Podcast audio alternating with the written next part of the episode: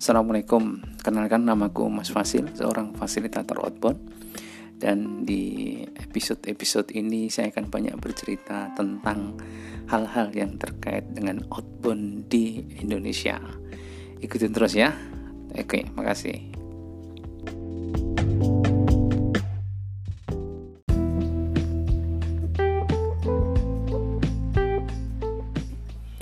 Assalamualaikum warahmatullahi wabarakatuh. Uh, di episode ketiga ini saya akan uh, sedikit uh, bercerita tentang kondisi terkini dari teman-teman uh, fasilitator outbound di beberapa daerah. Uh, informasi ini saya dapatkan dari berbagai sumber ya di media sosial telepon secara langsung, ketemu, ngobrol dan sebagainya. Ya, sebagian memang uh, cukup positif uh, dengan mengisi tetap dengan bidang pembelajaran. Jadi dengan membuka uh, belajar jarak jauh, baik itu dengan menggunakan uh, aplikasi tertentu ataupun uh, dengan apa ya istilahnya itu eh, saling bertukar informasi. Di satu sisi ini penting karena ini untuk menjaga agar keinginan belajar itu tetap ada sehingga nanti bisa dimanfaatkan ketika masa pandemi ini berlalu. Kemudian ada juga beberapa yang mengisi kegiatannya dengan mulai secara perlahan membuka usaha sampingan yang dulunya mungkin pernah ditekuni tapi tidak dijalankan tetapi bagian dari uh, survival menghadapi pandemi ini akhirnya ada beberapa teman yang melakukan usaha ya memang sebagian besar adalah menjual barang-barang baik melalui online ataupun uh, tidak jadi banyak sekali dan sangat uh, kreatif sekali uh, di dalam uh, apa istilahnya itu mencoba mensikapi keadaan saat ini. Tetapi ada juga yang mungkin tidak bisa melakukan keduanya itu. Banyak faktor ya pastinya. Ada yang memang karena uh, tidak siap sama sekali menghadapi masa pandemi ini, baik itu tabungan ataupun memang eh, apa ya istilahnya itu ada beberapa kebutuhan-kebutuhan yang sebelumnya memang harus dipenuhi sehingga ketika eh, pandemi ini eh, istilahnya berlangsung teman-teman ada yang tidak siap. Nah, ini menjadi menarik karena saat ini teman-teman itu butuh bantuan. Ada beberapa yang melakukan kegiatan donasi menyalurkan bantuan secara pribadi.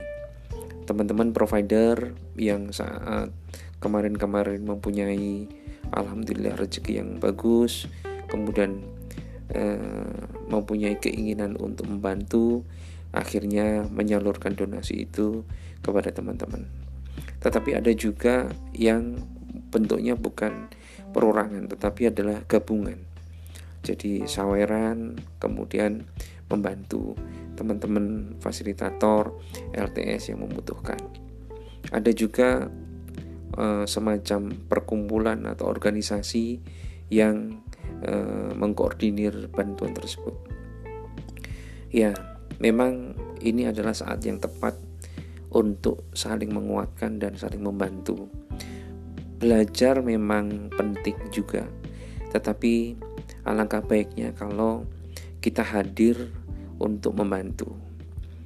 Membantu tidak dalam bentuk harus finansial. Nomor satu adalah membantu memberikan semangat, memberikan informasi yang baik kepada teman-teman. Akan lebih bagus lagi memang memberikan bantuan yang memang saat ini dibutuhkan. Macam-macam bentuknya, bisa dalam bentuk sembako, bisa dalam bentuk uang, bisa dalam bentuk uh, pekerjaan yang nantinya menghasilkan dan sebagainya. Dan tentunya bagi teman-teman yang memang butuh bantuan, eh, saya menyarankan yang pertama adalah supaya tetap terhubung.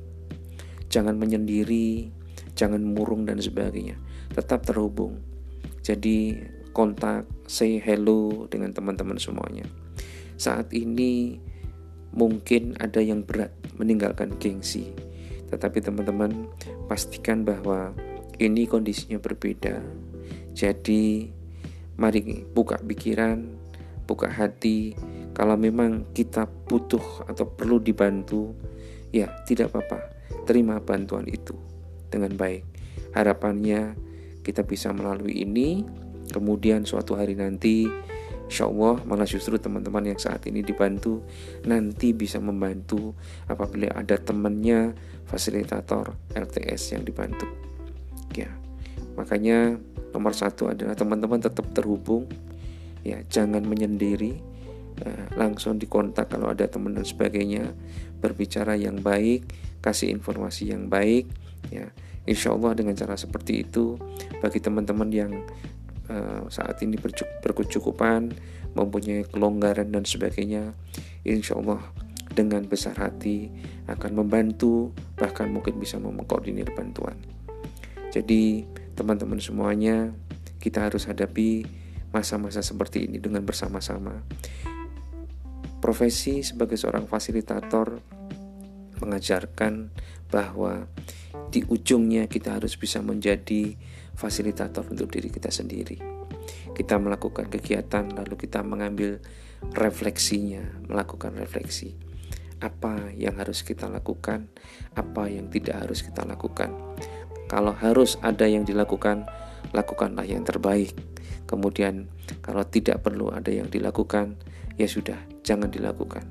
Apakah ada? Ada. Jangan mengeluh, kemudian jangan mengurung diri dan sebagainya itulah hal-hal yang tidak perlu dilakukan. Mari kita sama-sama teman-teman fasilitator di seluruh Indonesia kita saling menguatkan, kemudian eh, mencari informasi teman-teman yang memang membutuhkan kekurangan, membutuhkan bantuan eh, maksud saya dan mari kita sama-sama kita bantu. Kemudian kalau kita membuat status di media sosial, bikinlah status yang membuat lebih nyaman, lebih bersemangat. Pastikan bahwa ini nanti juga akan berlalu. Oke, teman-teman semuanya, mudah-mudahan apa yang saya sampaikan ini bermanfaat.